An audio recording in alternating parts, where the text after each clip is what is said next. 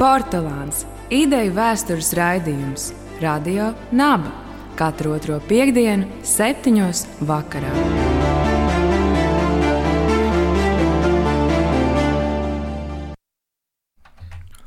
Labvakar, godātie radio naba klausītāji, raidījums Portugāns. Viduslaika mūzika mūsu iztēlē bieži vien arī paliek kā iztēle. Variācija par to, kā varētu būt bijis. Taču Rīgas vēstures avoti glabā unikālas liecības, kas ļauj rekonstruēt gan autentisku pierakstu, gan autentisku skanējumu viduslaiku Rīgas mūzikai. Domājot par šo, studijā ar jums Rudolf Vitoļņš, Mikus Solojs un mūsu šī vakara viesis Jāzepa Vītola Latvijas Mūzikas akadēmijas rektors, muzikologs Gunārs Prānis. Labvakar! Kas Gunter ir Gregoriskais korāls? Man šķiet, ka te būtu neliels atskats nepieciešams. Un proti, ir tā, kopš, kopš cilvēks vispār uh, ir, ir bijis sevi jutis, uh, ir, ir izpaudis dažādos veidos, tā mūzika un dziedāšana ir bijusi neatņemama viņa dzīves sastāvdaļa. Mēs to zinām, mēs to lasām dažādās liecībās. Bet tieši tas ir tas jautājums, kā tieši tas ir bijis. Un man jāsaka, ka Gregoriskais korāls mums ir tā fantastiskā bāze, tas fantastiskais atspēriena punkts, jo tas ir pirmais pasaules muzikas vēsturē pilnībā rakstiski fiksētais repertuārs. Līdz ar to um, tas ir pirmais atspēriena punkts, kur mēs varam teikt, mēs ne tikai zinām, kā tas ir bijis, bet mēs arī šodien varam nodziedāt, mēs šodien varam piedzīvot, mēs šodien varam emocionāli uh, tapt skarti un, un tādā veidā šis dziedājums mūs tuvina tam laikam, kad tas tapa, un, un tas ir vairāk nekā tūkstošu gadu atpakaļ. Un, protams, ka tas ir saistībā ar Kristīgo baznīcu, ar tās liturģiju, un tās pamatu pamats ir izdziedāts vārds. Tas ir tas lielākais fenomens, kas latīniski tiek saukts par kantus, principu. Proti, cilvēks, protams, jau, jau, jau ilgi pirms tam, jau vecās darbības tradīcijā, kaut vai psalmdziedāšanas tradīcijā, bija sapratis, ka viņš sev emocionāli daudz pilnīgāk, daudz krāsaināk. Daudz kontrastaināk, domājot, dažādas emocijas spēja izpaust tieši dziedot tekstu, nevis runājot tekstu. Un Gregoriskais korāls tādā ziņā, nu, man jāsaka, šai ziņā ir pati pilnība. Cilvēka runātais vārds, retorika, kas tiek izdziedāts, un pēkšņi atmirts dažādās krāsās, pēkšņi vienam un tam pašam tekstam mainot melodiju, mainot tās ritmu, var piešķirt vienu vai otru niansi. Nu, būtībā Gregoriskais korāls tādā ziņā ir ne tikai mūzikas mantojums, bet faktiski arī mums šodien daudz ko spēj un var iemācīt. Un tāpēc es esmu pilnīgi pārliecināts, ka, ja mēs Gregorisko korālu noliktu blakus, nu, piemēram, vienai Gustavā Mārlera simfonijai, tad tas tādā mākslinieckā līmeņa un augstvērtības ziņā ne par matu neiepaliktu. Jo tajā ir tik daudz ietilpināts. Nu, tā varētu īsi teikt, bet man jāsaka, Gregors, ka korāls nu, tā īsti atverās tad, ja tu nesteidzīgi viņam tuvojies, gan klausoties, gan nu, ir cilvēki, kuriem ir privilēģija arī tuvoties caur dziedāšanu un pašiem piedzīvot tādā veidā. Tad, tad tiešām tu konstatē, ka tur ir kaut kas tik ļoti dziļš, nozīmīgs, svēts, klātesošs kas ir nemainīgi aktuāls visu laiku cilvēkiem. Kad 20. gadsimta laikmetīgās mūzikas vēsturē piemin Gregorisko korālu, tad nāk prātā stāsts par Arvo Pērtu, kurš esot atradies radošā strupceļā 70. gadu vidū, un tad kādā grāmatā antikvariātā nejauši esot izdzirdējis Gregoriāņu dziedājumu fragmentu, un vēlāk Arvo Pērts bieži atkārtoja ka tajā brīdī viņš ir sapratis, ka šajā mūzikā ir viņa patiesība, patiesība par mūziku un patiesība arī par dzīvi. Uh, Gunter, kā notika tava satikšanās ar Gregoriānu korālu, un vai tā bija tāds lūzuma punkts? Jā, tas, tas, tas brīnišķīgais ir tas, ka, ka katram cilvēkam tas notiek atšķirīgi, un tas vienmēr ir saistīts ar sirds piedzīvojumu. Jo, ja mēs sakām, kantus princips, dziedāts vārds, latīņu valodā tiek lietots arī jēdziens ekskorde, Proti, nu, Gregoriskais korāls apmēram simts gadu vispār tika nodots tālāk un eksistēja mutvāra tradīcijā. Tas nozīmē, nebija nekas pierakstīts. Tas nozīmē, kur tas cilvēks nesa to visu. Latviešu valodā ir, ir drusku, manuprāt, nepilnīgs, maigi sakot, šis formulējums no galvas, ja, bet viduslaika cilvēks teica, ekskorde, tas nozīmē kaut kas, kas ir saistīts ar tavu nu, pašu dziļāko būtību. Un, Un tā, dziļā, tā dziļākā būtība ir jāatmodina. Es domāju, gan Arvo Pērts, gan ļoti, ļoti daudz komponisti dažādu laikmetu, kuri tā vai savādāk ir inspirējušies no Gregorskā korāļa, kuri to ir citējuši, ja, apstrādājuši. Mēs zinām, ko nozīmē kantus firmus princips, tas nozīmē, ir kaut kādi fragmenti lietoti. Tas burtiski caurauž Eiropas un pasaules muzikas literatūru.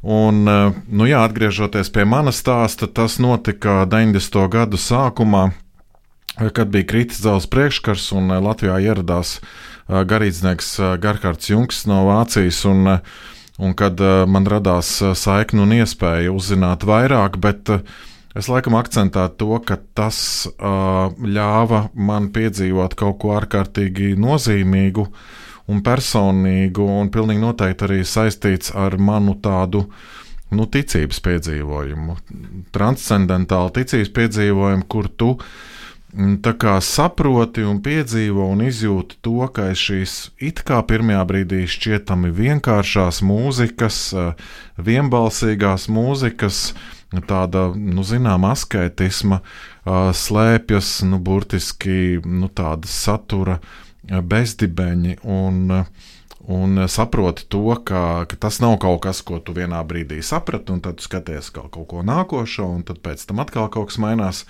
Bet būtībā tas ir kaut kas, kas tavu dzīvi ir spējīgs pavadīt visu mūžu garumā, un ka tur vienmēr būs kaut kas jauns, ko atrast, un kā tāds dārgakmens, ko var pagriezt dažādos virzienos tas atmirts katru reizi mazliet citā, citā krāsā un citā mirdzumā. Tā kā, Nu, tā īsi sakot, jā, tas bija 90. gada sākums, tā bija psalma dziedāšanas pieredze, pēc tam arī Gregorikas nedēļas Latvijā, kuras es daudzus gadus vadīju. Un it sevišķi 90. gados pulcināja tik daudzus jaunus cilvēkus, arī mūzikas profesionāļus, tā izskaitā topošos komponistus, Un, eh, acīm redzot, eh, nu, tur ir kaut kas daudz, daudz vairāk nekā pirmajā brīdī varētu likties. Un, nu, manā gadījumā tas, eh, tas ir nu, kaut kādā ziņā tāds, tāds kods vai, vai, vai iedvesmas avots, kas pavada visu manu dzīvi. Un, protams, ka es daru daudz ko citu arī, kā muzikologs, interesējos par dažādām lietām, un tomēr nu, šis ir tāds tenors vai tāds sarkanais pavadiens, kas visam bijis cauri, un kas īstenībā palīdz arī man daudz ko saprast, kas šodien notiek pasaulē, kaut kādā ziņā arī vērtēt vai analītiski palūkoties, kas notiek muzikā vispār. Un, un, un, jo, jo šis ir tāds, nu, nu jā, kaut kas tāds tik, tik dzidrs, tik tīrs, pēc kā tu vari samērot īstenībā visas citas lietas. Nu, daudz ir jautājuši, kā skanēja viduslaika Rīga. Un tava akadēmiskā pētniecība ir saistīta ar Rīgas misāli. Kas ir Rīgas misāli un kā tu nonāci līdz šim fenomenam, kas ir ļoti nozīmīgs Latvijas mūzikas vēsturē un arī vispār Latvijas vēsturē? Jā, nu tas, ir, tas ir absolūti unikāls manuskripts, tātad, kas tiek datēts ar 15. gadsimta 60. un 80. gadiem. Man tas, tas galvenais pārdzīvojums un, un atklājums bija tas, ka ka faktiski viduslaiku Rīga bija ļoti, ļoti dinamisks viduslaiku kultūras centrs, tāpat kā daudzi citi centri.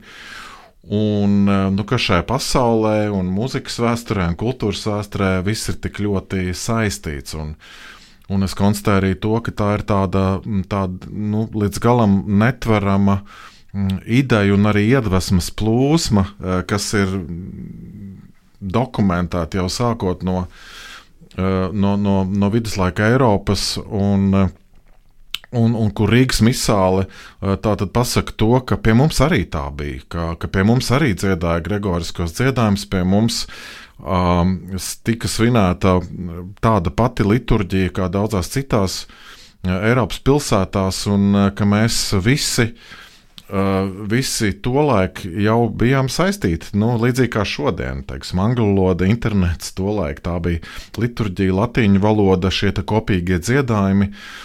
Un kas uh, Rīgas misāls gadījumā man īpaši uzrunāja un, un šķita tik, uh, tik dzīvīgs, un arī īstenībā tāda atvieglojuma sajūta man bija caur to, ka es atradu un, un, un pierādīju, ka Uh, lai kādu melodiju tu dziedātu, lai kāda melodija būtu priekšrakstīta, uh, tomēr uh, cilvēka mentalitāte un tas konteksts, kurā tu esi uzaugusi, kurā tu esi mācījies, kurā tu praktizē lietas, tev ļauj un pat liek to darīt nedaudz atšķirīgi nekā citiem. Un, nu, tāds savs rokraksts, tā var teikt. Mēs varam rakstīt vienu to pašu tekstu, bet tas, tas vienmēr atkarīgs no rokraksta. Un Rīgas misālē tātad mēs atrodam gregoriskos dziedājumus, kas Rīgā izskanēja atšķirīgi Mazliet atšķirīgi no Hamburgas, jo tā visa bija šī Ziemeļ-Eiropas eh, tradīcija, un jau krietni atšķirīgāk no Romas, piemēram. Un, un tad man izdevās zīmēt tādas, nu, Un tā kā apļus, ja ir, ir šis centrs, ir kaut kādas universālās, nemainīgās lietas, bet ir lokālā kultūra, kura nu, iedod tādu savu piesitienu eh, šai mūzikai. Un, un tieši tas, manuprāt, ir eh, Rīgas misāls, tas Eh, tas, tas brīnišķīgais atklājums. Eh, ka, ka ne tikai vienkārši, ka Rīgā tika dziedāti tie paši dziedājumi, tāpat mūzika, bet ka tas niansēs izskanēja atšķirīgi. Un, un mēs varam, protams, daudz ko minēt, tikai, eh, bet, bet mana, mana nu, tāda hipotēze ir, ka tas visciešākā mērā ir saistīts ar, ar tām mentalitātes atšķirībām. Nu, sacīsim, vienu to pašu tautas dziesmu dzied div, divos kaimiņu ciemos. Un vienā, vienā skan tā, un otrā mazliet atšķirīgi. Un, un tā jaukā lieta ir arī tā, ka nevienam nav jāieliek atzīme, jāpasaka, tur skan pareizi, tur skan nepareizi. Ja? Ka tā tad, ja es esmu dziļi iekšā šajā tradīcijā, tas vienmēr man iedod kaut kādas arī individuālas, un pat spontānas un improvizācijas izteiksmes iespējas. Nu, gluži kā šodien. Bet tas ir tāds senākais muzikālais paraugs, ko mēs varam teikt droši. Tātad viņš skanēja Latvijas teritorijā. Jā, nu, kopā, kopā ar kolēģiem, arī profesoru Andriu Levānu, mēs, mēs ilgi darbojāmies ar šo manuskriptu, un mums izdevās pierādīt to, par ko jau runājuši vairāki vācu baltu vēsturnieki, ka šis manuskripts tiešām tika lietots Rīgā, Rīgas katedrālē. Un, eh, un tas ir senākais, eh, tas ir senākais manuskripts, ja runājam par muzikālām liecībām. Tur ir iekšā notis, tur ir iekšā arī nošu fragmenti vai tā saucamās marginālijas. Tas nozīmē, ka eh, daudziem dziedājumiem ir tikai, ja tā var teikt, pirmās taktis vai, vai, vai, vai pirmie, pirmie vārdi pierakstīti ar melodiju un tekstu. Un tālāk, tālāk, acīm redzot, šie cilvēki jau zināja no galvas, kā tam ir jāskan, kas liecina arī par to, ka mutvāra tradīcija, rakst, rakstveida tradīcija tā tad ļoti, ļoti savijās kopā praksē. Bet šeit mēs uzzinājām jautājumus par mentalitāti. Tad, jūsuprāt, dzirde un redze, kura no šīm būtu svarīgāka kvalitāte viduslaikos, jeb nu maņa? Tas ir sarežģīts jautājums, kurš droši vien ir subjektīvi atbildams. Es domāju, daudz pētījumu saka, ka tomēr, ka, ka redze ir nozīmīgāka, bet man jāsaka, ka dzirde un tieši skaņas piedzīvojums ļoti lielā mērā nu, atver jaunas pasaules. Un, kā jau mēs runājam par to dziedāto vārdu, ka tas cilvēkam, kurš varbūt garlaicībā novēršas, ja kaut kas tiek vienkārši monotoni deklamēts, pēkšņi ieklausās, pēkšņi viņos kaut kas ievi, tiek ievibrēts, ja šis pats teksts tiek nodziedāts. Un es, es godīgi sakot, negribētu pretnostatīt šīs lietas. Ja, un, un es, es kādreiz mūziku klausos arī tumsā. Vai pats kādreiz mēģinu, mēģinu dziedāt tumsā vai, vai, vai sveces gaismā, jo tad, protams, ir atkal tādas lietas, kas nenovērš tavu, tavu uzmanību no tā, ko tu tajā brīdī dari. Bet, ap citu, ja runājam par redzi, tad uh, ļoti daudzi viduslaika manuskripti ir ārkārtīgi krāšņi izveidoti ar, ar ilustrācijām, iluminācijām, skaistiem iniciāļiem. Un es tā domājis, un tas dziedātājs, kas paņem šādu krāšņu manuskriptu, nu man šobrīd acu priekšā iztēlē ir, ir konkrēts Ziemassvētku dziedājums. Puernātusēs bērns ir piedzimis ar milzīgu pēburtu, un eh, un, un, un, un skaistām krāsām un, un, un, un, un dažādiem ornamentiem. Un tad es domāju, ka tas dziedātājs, eh, atverot šo manuskriptu, viņš jau tiek ievests šajā noslēpuma pasaulē, par ko viņš tūlīt dziedās. Ja? Viņš, viņš var noskaņoties, viņš var ievibrēties šo svētku saturā un noskaņā. Tā kā es teiktu, eh, skaņa un redze, protams, arī viduslaikos eh, lieliski vienu otru papildina. Bet jūs minējāt tikko noslēpumu pasauli, tad varbūt jūs varat salikt pa plauktiņiem, kādas, kāda rakstura garīgās nepieciešamības šī mūzika sniedza viduslaiku Rīgas cilvēkiem. Uh, nu, tas ir tieši tāpat kā, teiksim, uh, ebreju psalmu dziedāšanas eh, tradīcijā, protams, ka tā ir izdziedāta lūkšana. Jā, un, protams, ka lielākā daļa šo tekstu ir domāti nu, faktiski kā, kā dialoga eh, dziedājums. Jā, un, un līdz ar to nu, cilvēks, cilvēks, cilvēks sastopas ar Dievu caur dziedāšanu. Cilvēks ļauj, lai Dievs viņu uzrunā caur šo dziedāšanu vai dziedāšanas klausīšanos. Un, Un tas viss uh, ir uh, ļoti dziļi saistīts, un, un tas noslēpums ir tajā, ka uh, ir ļoti, ļoti nu, izteikti arī neprognozējamības uh, dimensija tajā visā. Ja. Nu, tas līdzīgi kā ar, kā ar svētkiem. Katru reizi svinot svētkus, tomēr kaut kas tiek izmainīts.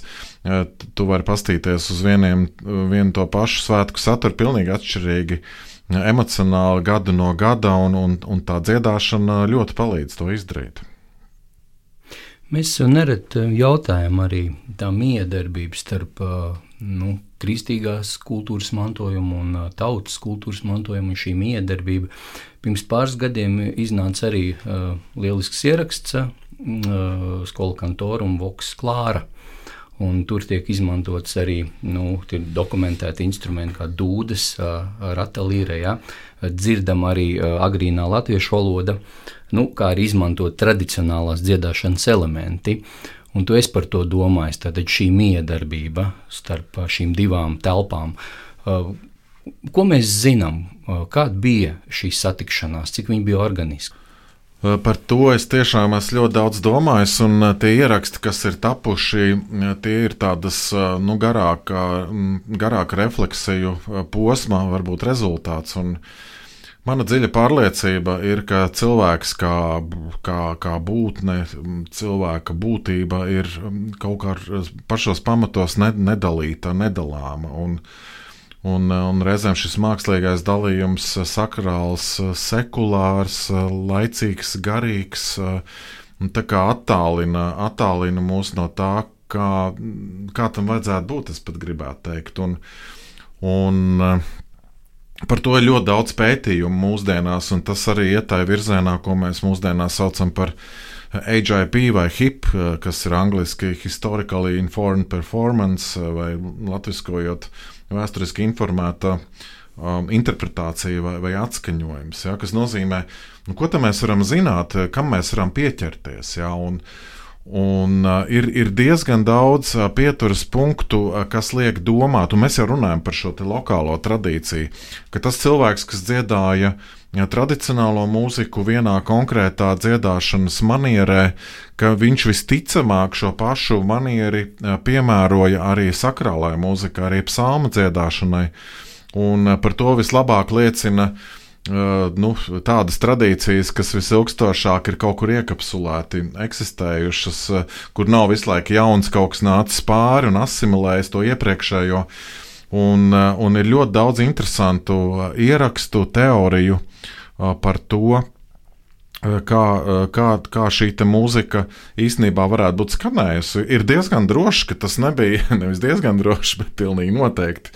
Tas nebija Belkanto stila dziedājums viduslaikos, jo tolaik par to nevienam nebija nekādas vispār nojausmas. Tātad mums ir, mums ir jāpieņem, ka eh, tas iespējams skanēja diezgan, diezgan arhaiski, nazāli, pirmatnēji Tur varētu dažādas apzīmējumus likt klāt. Un, un, nu, es ar savu ansambli, kas ir visi mani dombiedri, mēs nu, gājām tādu meklētāju ceļu, domājot, kā kaut ko no šī mēs varētu integrēt. Jo tas, tas man šķiet ārkārtīgi nozīmīgi. Uh, jo nevarētu taču būt, kad mēs dziedam šos dziedājumus, kad, kad mums, teiksim, vajadzētu nu, mēģināt pielāgoties, kur nu vēl kopēt. Uh, kādu jau esošu ierakstu, varbūt kādas citas valsts dziedātāju tapušu versiju par to. Man liekas, tieši tas fascinējošais, starp citu, līdzīgi kā ar latviešu valodu viduslaikos. Nav tāda viena pareizā izruna. Latviešu valoda katrā, katrā vietā tika izrunāta atšķirīgi, atšķirīgi tieši iespaidojoties no tās lokālās eh, valodas, eh, kādā, kādā runāja šie cilvēki. Tātad tas nozīmē, ka mēs eh, ne tikai drīkstam, bet iespējams mums pat vajadzētu iet šajā virzienā, mēģinot tuvoties tam, nu kā tad, piemēram, Rīgā tas būtu skanējis. Un tā tad visi šie elementi, arī instrumentu lietojums, starp citu, Uh, it ceļš vē, vēlīnos viduslaikos ir diezgan daudz liecības, uh, un uh, mums ļoti palīdz arī ikonogrāfiskais materiāls, kas parāda, uh, teiksim, ir, ir vienbalsīgas uh, uh, dziesmas notis, bet attēlos, nu, piemēram, tur vienmēr tiek minēts slavenais Librever Melno Monserrat klostera Barcelonas tūmā. Tas vienbalsīgas melodijas, bet ir vesels klāsts ar instrumentiem, kas ir attēloti. Nu, tā tad viņi tika spēlēti. Uh, Un tā tad mums ir jādomā, vai bija vai nebija, bet kādā veidā bija. Un tur ir ļoti daudz interesantu jautājumu. Un, eh, protams, ka mēs nekad nevarēsim piekļūt nu, tādai stadijai, kur mēs nospiežam ierakstu. Nu, šādi tas toreiz skanēja. Bet eh, man liekas, ka ir vērts mēģināt un, un censties kaut ko no tā integrēt. Uh. Tu minēji, tas tomēr ir tāds vēlīnās Livonijas periods. Vai reformācija ienes būtiskas izmaiņas?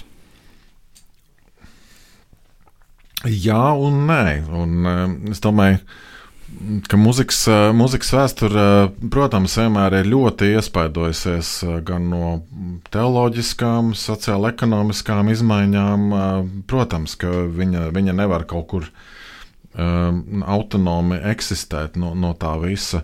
Un tomēr ir ļoti liels arī nu, šis pārmantojamības elements. Un, protams, ka reformācijas laiks kas nāk ar uzstādījumu, ka jādzied ir visiem, kopdziedāšana, dziedāšana tautas valodā.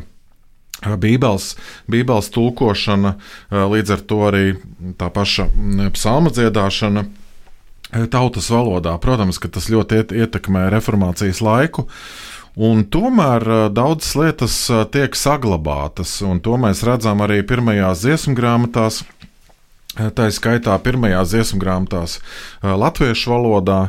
Tā tad pirmā latviešu luterāņu dziesmu grāmata 1587. gadā, kur mēs, kur mēs redzam daudzas arī psalmdziesmas. Ja, un, Un, savukārt, katoliskajā tradīcijā tā tad pirmā saglabājusies dziesmu grāmata, tā saucamā Georga Elgera dziesmu grāmata, uh, 1621. gads, kur mēs redzam ne tikai psalmdziesmas, ne tikai dziesmas latviešu valodā, bet mēs pat redzam psalmu recitāciju, kura, kura tiek turpināta. Tātad faktiski tas princips, tas teksta pasniegšanas princips, kā mēs jau to noskaidrojam, kas ir emocionāls, kas ievibrē ne tikai prātu, bet lielā mērā tieši ir sirds piedzīvojums, viņš tiek pārcelts uz uh, uz lokālo valodu, uz tautas valodu un turpina dzīvot. Uh, protams, atbilstoši jau šajā gadījumā uh, agrīnās latviešu valodas uh, likumībām. Ja. Protams, ir vēl viens ļoti aizraujošs jautājums, ka latviešu valoda tajā brīdī vēl tikai veidojas. Līdz uh, glīka bībelē ir jāgaida vairāk nekā 60 gadu, un mēs redzam, ka tieši arī tā dziedāšana, arī uh, dziesmu tekstu Uh, adaptēšana, atzējošana uh, nes ļoti nozīmīgi ar tautu tajā visā procesā. Tas ir, tas ir ļoti, kā mēs sacījām, tas ir. Tā ir tāda, tā ir tāda ideju, ideju plūsma, ja, kas, kas būtībā nepārtraucas. Viņa tiek ievirzīta jaunā gultnē, viņa sasniedz jaunus cilvēkus, jaunu cilvēku grupas. Bet, eh, bet būtībā tāda, tāda strikta pārāvuma nav. Tas eh, man arī liekas ļoti, eh, ļoti skaisti, ja mēs tā filozofējam par to, kā vispār lietas ir notikušas. Un skaidrs arī vēl, vēl cits, ka arī mūzikas vēsturē nu, ir, ir ļoti daudz lietas, ko mēs nevaram fiksēt. Tajā un tajā gadā tas un tas mainījās. Ja? Tas viss ir ļoti, ļoti plūstoši. Un bieži vien viens un tas pats uh, komponists, iespaidojoties no dažādām idejām, integrē, maina savu viedokli, maina savu izpausmes stilu. Un, nu jā, tas, ir, tas ir tas viss, kas, kas ir radošā gara. Teiksim, inspirēts, nu, turpinās. Tā kā tādā manā pārliecībā, Gregoriskais korāls, reformācija, teiksim, Georgi Elgera dziesmu grāmata, tas, tas viss veido tādu diezgan loģisku plūdumu, kā mēs uz to varam lūkoties. Un, liekas, no šodienas skatu punkta tas ir ļoti atbrīvojoši, ka mums nav tāda, nu, jāskatās uz to kā uz tādu didaktisku grāmatu, kur vienu nodaļu mēs aizveram cietā, nu tad kaut kas cits sākās jaunā nodaļā, bet ka mēs varam to īstenībā visu vienlaikus kopumā vismaz mēģināt aptvert. Un, un, un, un par to arī kaut kādā ziņā priecāties, ka mums šodien ir tam pieeja. Eh, ne tikai, ka mēs zinām faktus, bet ka mēs varam dziedāt, ka mēs varam klausīties, ka, kas faktiski ļauj mums eh, vēlreiz piedzīvot to. Georgi Elgera dziesmu grāmata, kad es klausījos viņu, interesanti referēnos tiek izmantots uh, žūžu, žūžu, līgo, līgo, uh, kur tika atrasti uh, avoti. Jo tas ļoti interesanti. Tad uh, nu, reliģiska satura kompozīcija un referents līgo, līgo. Nu, tas, ir, tas ir ļoti zināms fenomens jēzuītu kultūrā. Tātad Georgs Elgars bija jēzuīts, kuram, starp citu, latviešu izcelsmes jēzuīts. Atšķirībā no vācu mācītājiem Lutāņu tradīcijā, kas tulkoja Bībeli, ir, ir pamats domāt, ka latviešu valoda bija Georga Elgara dzimtā valoda, un, un, un, un tur ir nu, tā doma, literatūras zinātnēcis Mārcis Grudula arī saka, ka Elgara latviešu valoda ir daudz tuvāka tā latviešu valodai, kāda tā tolaik tika runāta uz ielas un ģimenēs, ja tā var teikt. Mm. Bet uh, Elgars saprata vienu, lai, lai tai tautai un tam, tam latviešu cilvēkam padarītu tuvāku to vēsti par Jēzu Kristu ar visiem skaistajiem svētkiem un, un, un visu to vēsti, uh, kas tam nāk līdzi ir, jā, ir jāmēģina izmantot dažādi lokāli, arī tautas, tautas dziesmās esoši elementi, kas šiem cilvēkiem to ļaus vieglāk pieņemt kā savu, nevis kā kaut ko svešu no malas atvestu. Um, kur nu vēl ar, ar varu uzspiest, ja, bet kur tieši caur šo piedzīvojumu, un, un jā, tā kā tu teici, tie, tie piedzīvojumi, piedziedājumi Ziemassvētku dziesmās, uh, līgo vai žūžu, tur ir arī aijā, kas neapšaubām nāk no latīniskā eijā. Tas ļoti skaisti ievijas šajā tradīcijā un ir arī Gana skaidrs, ka šīs dziesmas netika dziedātas tikai Ziemassvētkos, bet ļoti ticams tika izmantots arī kā šūpuļdziesmas. Bērniņus mēģinot aizmidzināt. Un, un tad tas, nu, tur veidojas kaut kādi saslēgumi atkal, kur, kur nevis ar, ar moralizēšanu un garu runāšanu tam cilvēkam kaut kas tiek likts pie sirds, bet tieši vairāk ar šo muzicēšanas pieredzi Un tā mūzika, kur, kur tu daudz vieglāk uztver kā, kā savu, un, un tas ir tiešām ļoti, ļoti īpašs uh, fenomens, kas šeit vēlreiz, tātad 17. gadsimta sākumā, Elgara dziesmu grāmatā ir, ir, ir dokumentēts, un tad mēs visā krāšņumā nu, redzam un arī varam dzirdēt, ja, ja klausāmies ierakstu, kā tas tolaik varētu būt skanējis. Bet tad tie stūrakmeņi, tātad Rīgas misāli, tad šīs pieminētās Georga Elgera dziesmas, kas vēl ir tāds spilgts paraugs. Jā, tā, tā latviešu mūzikas vēstures, nu, tā, tā, tā senākā dimensija, tās senākās lapuses, mēs tā šobrīd tā īsti esam tikai atvēsējušies to izpētīt, un ar to es, ar izpētīšanu es domāju ne tikai, ka mēs esam savākuši kaut kādus faktus, bet mums jāiet viens solis tālāk. Mums ir, mums ir jāspēj to traktēt un interpretēt arī muzikāli. Saklausāmi, piedzīvojami. Es esmu pilnīgi pārliecināts, tas, ka tas ļoti daudziem arī mūsdienu teiksim tā, inteliģenti interesētiem cilvēkiem par, par vēsturi iedod pilnīgi citu pieeju šim, šim materiālam, šiem faktiem, nekā vienkārši tā pasaka, nu tur toreiz tāds un tāds dzīvoja un atstājis ir to un to, bet ko līdz tas kļūst par par repertuāru, ko tu vari dzirdēt. Nu, kaut vai vienā koncertā vai, vai ierakstā, tas tev iedod pilnīgi citu pieeju. Un, un tādā ziņā, jā, ir Rīgas misāle, ir Ir, protams, pirmās luterāņu dziesmu grāmatas, ir, ir Georga Elgera dziesmu grāmata, vēl ir ļoti interesants fenomens eh, Burkhards Valdis, eh, kas tātad eh, Rīgā pirms reformācijas laikā piederēja Franciskāņu ordenim, un tad notiek viņa brīnumainā konversija, dodoties pie pāvesta, lūgt palīdzību pret reformāciju, un atgriežoties viņš konvertējas uz, uz luterticību. Un, un, viņa slavenā parabola par pazudušo dēlu, kas tika pirmuzvestā 1527. gadā laukumā Pēterbaznīcas priekšā, un, un, un vispār viss šis, eh, šis, šis fascinējošais stāsts par pazudušā dēla, šī līdzība Un, un tas saistībā ar, ar, ar reformāciju un, un to, to visu tēmu loku, ko tas sev nes līdzi. Un atkal tā bija tā parabola, faktiski bija teātris izrāde, kur tas ne tikai tika izdziedāts, bet uh, tas tika arī nu, teātrāli un dramatiski izspēlēts, kas savukārt mūs uh, saista ļoti ar viduslaika mistēriju spēlēm, kuras taču arī bija tam vienkāršam cilvēkam, kuram nepietika, ka viņam kāds kaut ko vienkārši izstāsta, ja, bet viņam ir jādod šis piedzīvojuma moments. Gan vizuāli, gan, gan, gan klausoties to mūziku, gan, gan caur dēļu, gan aktieru mākslu, gan kaut kādām dekorācijām. Ja? Un, un šis, šis paragrāfs, manuprāt, vēl ir pelnījis nu, pastiprināt uzmanību, un tā ir viena no manām nākotnes iecerēm. Veidot, veidot ierakstus un, un, un vairāk domāt par šo mantojumu, kas, starp citu, arī ļoti sasaista latviešu un vācu kultūras vēsturi. Faktiski tas nav tur viens no otra atdalāms, kas arī mums daudz ko vēsta šodien.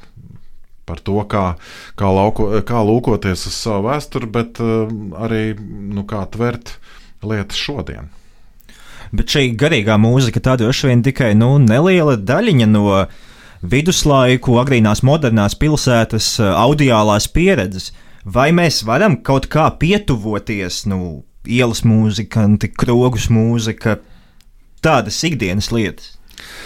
Arī tur ir, ir daudz kas vēl atrodams, ja runājam par, par Rīgu, par Livoniju. Tad arī tur ir vairākas dziesmas, dziesmu deju kolekcijas, kas vēl gaida savu, savu stundu, lai, lai, lai mēs tās varētu atsvaidzināt un atskaņot šodien. Jo, jo tieši tā arī ir, protams, ka primāri tas, kas ir saglabājies, ir, ir sakrālā mūzika, bet ir ļoti daudz interesantu lietu arī atrodamas uh, deju mūzikā, sekulārajā mūzikā. Īsnībā jau arī Elgara dziesmu grāmata, nu tā hipotēze ir, ka vismaz daļa no šīs grāmatas repertuāra tika dziedāta vispār baznīcas ārpusē, sveceļnieki pie ugunskuriem, kur viņi sapulcējās, lai nākamajā dienā atkal dotos tālāk uz, uz nākošo mērķi. Un, un tas viss atkal nu, parāda, ka, ka faktiski mūzika pavada cilvēku visos viņa ceļa gājumos, vai tas, vai tas būtu iekšpus baznīcas mūriem vai arī ārpus. Kas tev ir laba mūzika? Mm, jā, tas ir sarežģīti atbildāms jautājums. Spontāni, spontāni tā ir mūzika, kurai ir kāds dziļāks vēstījums un, un saturs Un pilnīgi noteikti tā ir mūzika, kurai svarīgākais elements nav kaut kādas āršķirīgas lietas. Tā pašā laikā man jāsaka, laba mūzika ir arī tā, kas spēj pamodināt cilvēkā patiesas emocijas. Un, un tādā ziņā es reizēm varu klausīties arī kādu viduslaiku deju mūziku, un manī tas atmodina prieku kaut kādu enerģiju, es pat teiktu, un, un man liekas, arī tam ir sava vieta, jo, jo tā, tā muzika ir patiesa un patie, patiesas emocijas modinoša. Man liekas, ka šeit, šeit ir jāliek tāds trakns komats, jo par to iespējams visu raidījumu varētu runāt. Mm. Kas ir laba muzika un droši vien, ka, ka šobrīd ar, ar to pietiek. Katrā ziņā man ir, man ir savs skatījums uz tām lietām, un, Un eh, tas vienmēr būs saistīts ar gaumi. Un, un tas vienmēr būs saistīts ar to, kā es savu gaumi esmu izkopis, kā es to esmu barojis. Un tas saistīts ar eh, simts dažādām lietām. Bet, ja tev dot iespēju ceļot tagad laikā un telpā, eh, kuru komponistu skaņdarbu vai atskaņojumu tu vēlētos klātienē dzirdēt nu, kaut minūti? Iespējams, tas būtu Giovanni Gabrieli, un tā būtu Venecijas Svētā Marka katedrāle. Tā ir, nu, tā ir, tā ir tāda kvadrafoniska mūzika, kur, kur tiek, tiek lielā mērā nu, atklāts un izvērsts tieši telpas elements. Jā, tas, ka tu kā klausītājs sēdi vidū un, un, un, un skaņas tevi apņem četri dažādi kori, katrs savādāks, katrs no savas puses. Un, un tas veido atkal to transcendentālo pieredzi par to, ka es varu šādā skaņdarbā saklausīt to, eh, ko varbūt manī miesīga acis neredz. Jā, kaut ko no dieva radītās pasaules, no tā neierobežotā universa eh, kurā mēs šeit varam būt, vai mēs par to domājam vai nedomājam. Man liekas, ka šāda mūzika palīdz mm. to, to tvert un nevis tik daudz prātu un loģiku, cik atkal eh, caur, caur piedzīvojumu. Jā, Gunter, milzīgs paldies, ka tu atradi laiku atnākt. Un, eh, jo ir jau tā Latvijā, kad saka Gregorika, tad eh, nu, Gunters Prānis.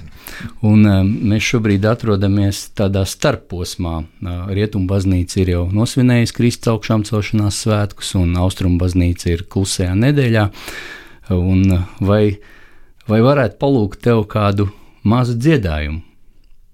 Ko tu varētu nodziedāt mums šeit pat studijā? Es varu mēģināt bez tādas uh, lielas gatavošanās, un uh, uh, jā. tad, ja tas neizdosies, jūs izgriezīsiet. Visas tautas plaukšķiniet rokas, gavilējiet dievam ar gaviļu pilnu balsi. Gregoriska antifona.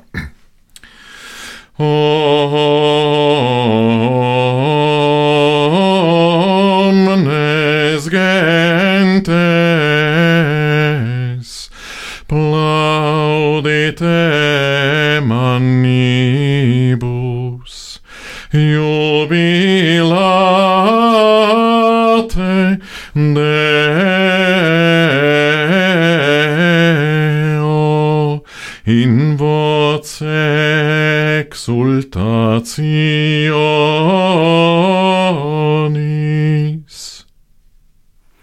Mēs noteikti neizgriezīsim. Paldies! Lielas paldies! Un raidījums Portugāns atgriežas pēc divām nedēļām. Visu labu!